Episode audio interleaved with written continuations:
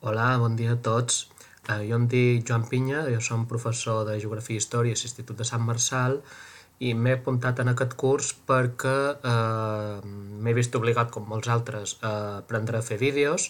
Vaig començar amb la pandèmia, bueno, de fet ja havia fet alguns vídeos anteriorment de forma bastant cutre, però jo era molt reaci a posar la meva veu o la meva imatge.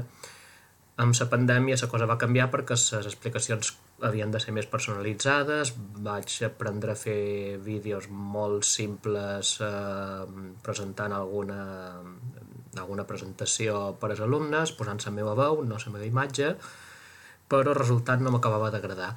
De manera que la meva intenció d'aquest curs seria aprendre a aprofitar les eines que pugui donar un editor de vídeo senzill.